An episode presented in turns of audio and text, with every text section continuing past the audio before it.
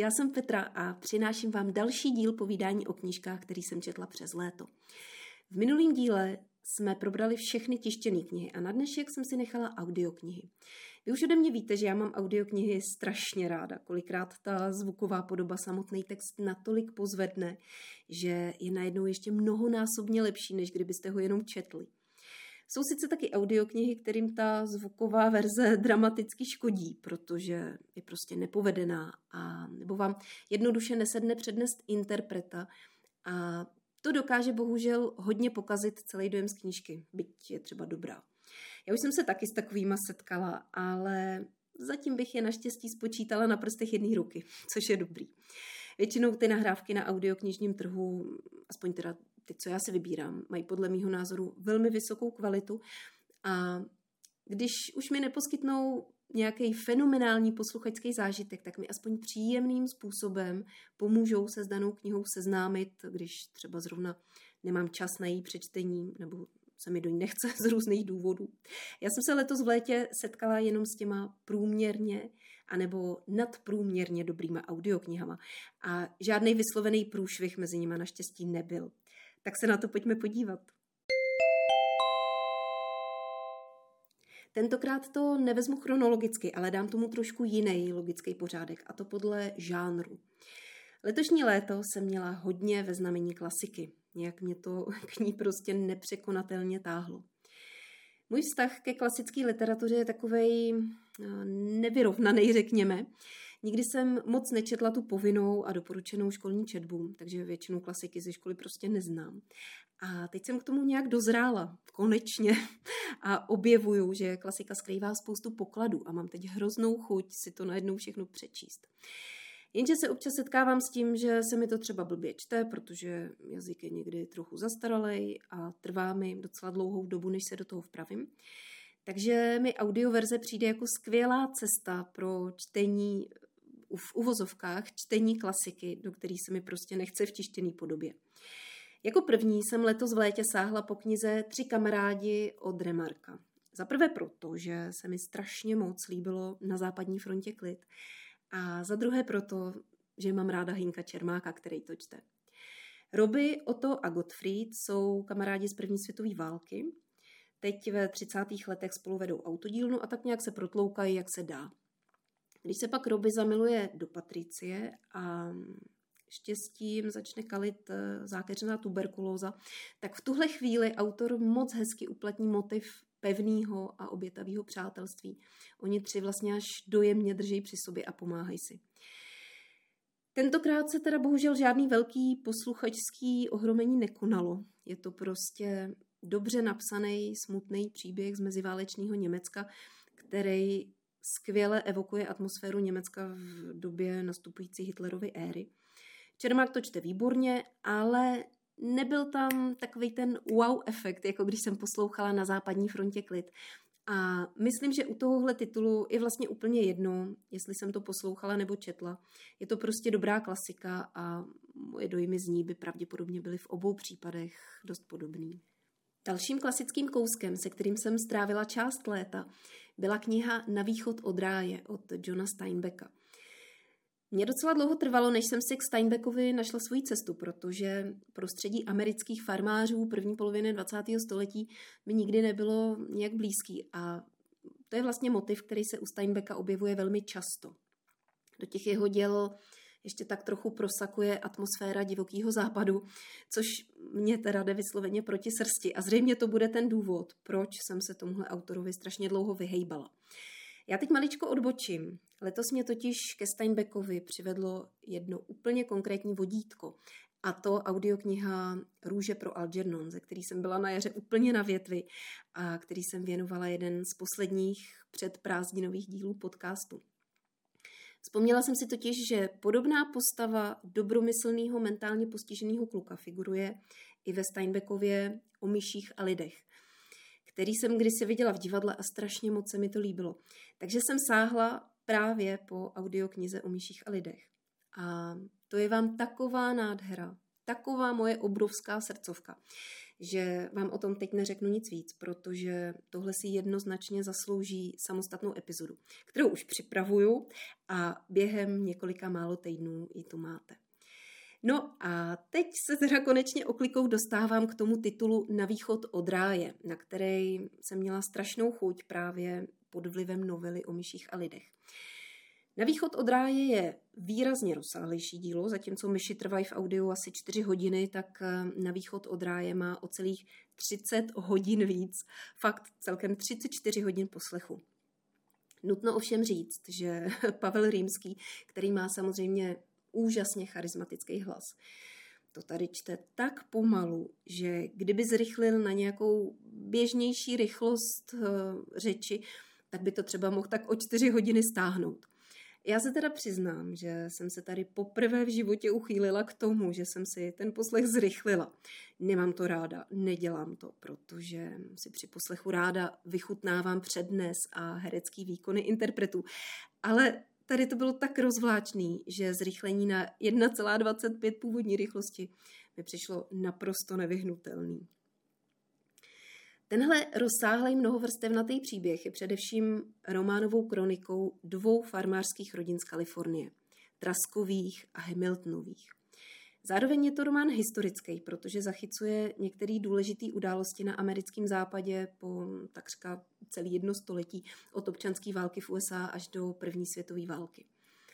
Steinbeck tady krásně zachycuje třeba i vzájemné vztahy jednotlivých sociálních vrstev, dobovou morálku i zvyklosti té doby a tak dál. A celkově mi přijde, že ze společensko-historického hlediska je to velmi hodnotný dílo. Zkrátka se tu dozvíte spoustu detailů o tom, jak se v té době lidem v USA žilo na každodenní bázi, ale i o tom, jaký pozadí tomu obyčejnému životu tvořily takový ty velký dějiny. Co v téhle knize ale především vidím já, to je dokonalý psychologický román. Autor na jednotlivých postavách ukazuje jak to nejlepší, tak ale i to nejtemnější ze škály lidských povah. A z toho textu úplně tryská víra, že ve všech lidech je od každého kousek částečně zděděný, částečně získaný. A my máme na výběr, co z nás nakonec bude, co z tohohle mixu zděděného a získaného, dobrýho a zlýho nakonec využijeme. A tahle důvěra v možnost lidského dobra pro mě byla nakonec tou nejhřejivější myšlenkou celého díla. Jednotlivé postavy jsou po psychologické stránce tak perfektně propracovaný, že jsem si většinu z nich zamilovala, i když třeba na první pohled zrovna dvakrát sympatie nebudily. Nejkrásnější charaktery jsou tady samozřejmě Sam Hamilton a čínský sluha Lee. A Tahle moudrá postava Lího mi navíc úplně nečekaně poskytla paralelu ke knize s názvem Pět Číňanů oběšených v Idahu, kterou jsem dočetla celkem nedávno. Tyhle ty dva příběhy jsou si geograficky i chronologicky velmi blízko. V obou najdete zmínku o Číňanech v USA a o postoji místních bílých američanů vůči čínským přistěhovalcům. A mně se vlastně tyhle dva romány krásně doplnily, jako by se chtěli navzájem potvrdit. No, mám-li to nějak schrnout, tak eh, jestli máte rádi rozsáhlý romány, který podrobně reflektují nějaký historický období a zároveň skvěle pracují s psychologií postav, tak Na východ od ráje je jednoznačně kniha přesně pro vás. A podle mě je jedno, jestli v audio nebo v tištěné podobě. Tady je to čistě věc vašich osobních preferencí jestli radši čtete nebo posloucháte. Já myslím, že obojí se vám bude moc líbit. Další krásnou část léta jsem letos strávila s Karlem Čapkem. Rozhodla jsem se poslechnout si jeho volnou trilogii, kterou tvoří tituly Hordubal, Povětroň a Obyčejný život. A o těch vám teď tady taky nic víc neřeknu, jenom to, že to byl fantastický posluchačský zážitek. Mám k tomu spoustu postřehů a doporučení. A to všechno vám schrnu v jednom z příštích podcastů, protože teď by se mi to do dnešní epizody zase nevešlo. Tímto bych považovala kapitolu klasiky za uzavřenou a teď se podíváme na současnou tvorbu, kterou jsem poslouchala v létě. Prvním titulem byla audiokniha Řeka v temnotě. K té jsem se dostala opět úplně náhodou, jenom proto, že ji čte Vasel Friedrich. Klasika. Je to memoárová kniha, Autor Masaji Ishikawa je po otci Korejec, po matce Japonec a v téhle knize vypráví příběh svojí rodiny, která se v 60. letech dobrovolně přestěhovala z Japonska do Severní Koreje. Udělali to na základě severokorejské kampaně, která slibovala lidem bydlení, dobrou práci, vzdělání pro děti. A tehdejší režimní rétorika označovala život v Severní Koreji za ráj na zemi. Jak ten ráj na zemi v Severní Koreji vypadá, to pravděpodobně víte, ať už jenom z médií, nebo jestli jste třeba četli Ninu Špitálníkovou. No a tady to máte opět tentokrát z jiného zdroje. Dozvíte se tu ale navíc nové informace nejen o vládě Kim Irsena a jeho nástupce Kim Jong-ila, ale třeba i o životě v Japonsku a o komplikovaných národnostních vztazích mezi Japoncema a Korejcema. A jestli vás téma Severní Koreje a nebo totalitních režimů obecně trochu zajímá, ale načtený to ještě moc nemáte, tak Řeka v temnotě se krásně vzájemně doplňuje s Ninou Špitálníkovou a s Orwellovým 1984. Teď trochu zabrousím do detektivního žánru, protože další audioknihou mýho léta byl Prokletý kraj od Michály Klevisový. To je současná česká autorka detektivních příběhů, se kterými sklízí poměrně velký úspěchy. Hlavně teda u žen čtenářek, co tak pozoruju. A já myslím, že je to proto, že to tak docela čistokrevný detektivky nejsou. Já bych je označila spíš za román se společenskou tématikou a s detektivní linkou navíc. A Klevisová tohle všechno umí hrozně hezky proplést. Ten krimi motiv je jenom takový příjemný koření navrh, ale mnohem důležitější roli tam hrajou sociální vztahy a historické souvislosti místa, ať už vesnice nebo celého kraje.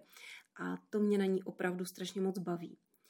Zajímavým motivem v tomhle příběhu je historie sudeckých Rumunů, ke který se dostáváme retrospektivně ze současnosti skrze nějaký deníkový záznamy. Pojem sudecký Rumun možná neslyšíte poprvé, ale pro mě je to nový střípek historie, který se mi právě v tuhle chvíli nesmazatelně zaril do paměti. Je to vlastně rumunská komunita prapůvodem ze Slovenska, která se do oblasti Sudet nastěhovala po odsunu Němců. Já už jsem určitě stokrát někde v učebnici nebo na Wikipedii četla, jaký všechny národnosti osídlily prázdní vesnice po Němcích. Ale už jsem to úspěšně dávno zapomněla. A až ve chvíli, kdy se mi tahle informace objeví v nějakém románu, spojí se mi to s nějakým konkrétním příběhem, tak už si ji zapamatuju na pořád. Stejně jako když jsem si přečetla knihu Scarlett Vilkový, až uvidíš moře, tak už si navždycky zapamatuju, co jsem se dozvěděla o řecké komunitě v Sudetech. Tohle na literatuře prostě miluju. To, to, že se skrze fiktivní příběhy dostávám k historickým informacím, který se mi touhle formou daleko líp fixují v paměti, než když jsem se je drtila ve škole. Nebo i když si to přečtu na Wikipedii, já to bohužel zapomínám úplně stejně rychlým tempem. No ale vraťme se k prokletýmu kraji. Eh, to byla moje druhá audiokniha od Michaly Klevisový a musím říct, že k poslechu mi to bohužel moc nesedí. Není mi teda úplně jasný důvod, ale producenti Klevisovek mají dlouhodobou tendenci vybírat interprety, který já osobně vnímám jako uspávače hadů. Vlastně eh, všechny knihy, co doposud vyšly v audiu, četla Kristýna Kociánová a ona má sice krásný, něžný hlas, ale vůbec s ním v tom textu nepracuje. A na detektivku je to celkově takový umrlý, takže jsem se zařekla, že to už teda nikdy. Prokletý kraj čte Petra Špalková, takže jsem se těšila na nějaký herectví, na nějaký svěží vítr, ale zase nic.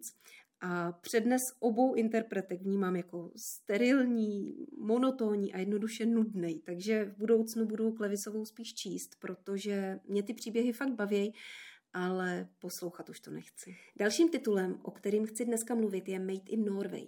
Tahle nahrávka nevznikla podle žádné knižní předlohy.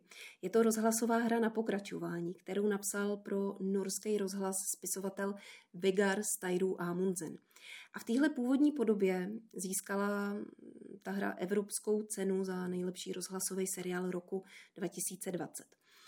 U nás se touhle námětu letos chopil radioservis a vytvořil nahrávku, která má necelý tři hodiny a podílela se na ní obrovská spousta skvělých českých herců, jako třeba Petra Bučková v hlavní roli, Jiří Vyorálek, Ondřej Vetchý, Igor Bareš, Jana Striková, Dana Černá a spousta dalších. Není to žádná prachobyčejná četba, naopak je to velkolepá dramatizace, která si skvěle hraje s ruchama a zvukovým podkresem. Třeba zvuky deště, štěkot psa, zpěv ptáků nebo bouchnutí dveří od auta. To všechno jsou takový drobný detaily, který když si poskládáte dohromady, tak vám vytvoří naprosto věrný obraz místa a situace. Paráda, fakt si s tím tvůrci skvěle pohráli, to klobouk dolů. A jestli znáte agenta z produkce audiotéky, o kterém už jsem vám tady taky říkala, a jestli se vám agent líbil, tak schutí do Made in Norway, protože po stránce technického provedení je to velice podobný. Tématem je tu tentokrát eh, výroba a distribuce zbraní a propojení zbrojního průmyslu s politickými špičkama a s teroristama. Vlastně to není tematicky nic tak objevného, tak nějak o tomhle tématu, o tomhle problému všichni víme. Už od samého začátku tušíte, jak to celý bude a jak to dopadne. Ale to provedení je opravdu povedený a jestli máte rádi technicky a herecky dokonalý dramatizace, tak vám Made in Norway můžu jedině doporučit. A konečně se dostávám k dětským audioknihám. My jsme se letos v létě ocitli v takové nepředvídatelné situaci, kdy jsme kvůli covidu v rodině nemohli zůstat na chalupě. Tam jsme původně měli v plánu strávit jeden z těch nejtropičtějších týdnů letošního šíleně horkého léta. Hezky zahrada, bazének, a pohoda v chládku s chlazeným drinkem a knížkou, že jo. Ale nakonec jsme teda bohužel byli nuceni zůstat v pražském bytě, kde je v létě strašlivý horko. Takže jsme se operativně rozhodli pro útěky z rozžhavený Prahy do pískovcových skal a ty dlouhé cesty autem mi najednou poskytly zcela nečekaný a ohromný prostor pro společný poslech audioknih s dětma. Já už delší dobu sleduju na Instagramu Jiřího Holuba, protože má docela vtipný příspěvky. On je kastelan na hrubým rohozci a zároveň je autorem několika knih. Myslím, že jich napsal v tuhle chvíli asi sedm a z toho jsou tuším dvě pro dospělí, jestli se nepletu, zbytek je dětský čtení. My jsme jako první sáhli po titulu Vzpoura strašidel. Tuhle audioknihu čte Jaroslav Plesl naprosto famózně, jako ostatně plesl vždycky, že jo. Nahrávka má asi čtyři hodiny a příběh se odehrává na zámku, kde v poklidný symbioze s kastelánem žije několik duchů. Jsou to hodný duchové, nikomu neškoděj, příliš nestrašej, ale jednoho dne se během prohlídky situace poněkud zvrtne. Vypukne tam obrovský pozdvižení, že jsou na zámku strašidla a zatrhnout jim to tam přijede státní zmocněnec pro potlačování nadpřirozených jevů. No a tyhle ty i spousta dalších situací, které tam ještě nastanou, jsou pojatý s krásným humorem a nadsázkou. Holub má takovej, řekla bych, macourkovský styl humoru, takže jestli se vám líbí Macha Šebestová nebo Žovka, tak já myslím, že humor Jiřího Holuba vám perfektně sedne. Já jsem se za tím volantem bavila neskutečně, bavilo to mě i děti a ty cesty nám díky tomu neskutečně rychle utekly, takže za mě skvělá volba. Hned jsme proto sáhli po další holubově audioknize s názvem Jak se zbavit mstivý Soni. Tentokrát to nečte Plesl, ale David Novotný, ale taky výborně. Skvěle se to poslouchá a tahle nahrávka má tuším asi tři hodiny. Jsou to samostatní příběhy o tom, jak jedna třída bojuje s učitelkou, která si od nich ale žádný rošťárny líbit nenechá a všechno jim to vrací i s úrokama. Zase tu máme holubův typický humor a ze všech povedených vtípků u nás jednoznačně vede had, který pořád žral nějaký svý ošetřovatele a zvěrolékař, který je furt musel chirurgicky vyndávat, se jednoho dne naštval a udělal hada na suchý zip, aby to vyndávání příště měli jednodušší. A tuhle hlášku si do dneška občas doma říkáme, když se chceme zasmát. Já jsem někde četla, že tenhle titul, jak se zbavit mstivý suní, sklidil kritiku za to, že vybízí děti k násilí na učitelích. Ano, je to teda celý jenom o tom, že se žáci snaží nějak napálit učitelku a jedou absolutně první ligu ve zlobení, ale to je samozřejmě nadsázka. Zasmějeme se a jdeme dál. Ale jestli vaše děti nemají smysl pro humor a myslíte si, že by to pochopili jako doslovný návod, jak se zítra ve škole chovat k paní učitelce, tak jim prosím vás mstivou Soňu radši nepouštějte. A abych to měla kompletní, tak ještě zmíním, že Jiřímu Holubovi vyšla v audiu ještě třetí kniha, a to, kolik váží Matilda. Tu jsme zatím neposlouchali, nevím, o co se jedná, ale až budeme mít před sebou nějaký dlouhý cesty autem, tak vím naprosto přesně, co si pustíme. Tak a máme to za sebou. Ve dvou posledních dílech podcastu jsem vám kompletně představila svoje letní čtení a v příštím díle už se zase vrátím k původnímu schématu, totiž, eh, že vám v každé epizodě představím jeden knižní titul, ať už v klasické tištěné podobě nebo v té zvukové. Jinak moje další knižní typy najdete na Instagramu Zazí v metru. Budu strašně ráda, když mi tam napíšete nějakou zpětnou vazbu, ať už k podcastu nebo třeba ke konkrétním knihám. Moc vám děkuji za pozornost. Neskutečně mě těší, že se mnou sdílíte tohle moje nadšení pro knihy. Mějte se krásně a hodně čtěte a těším se na vás v příštím díle. Ahoj!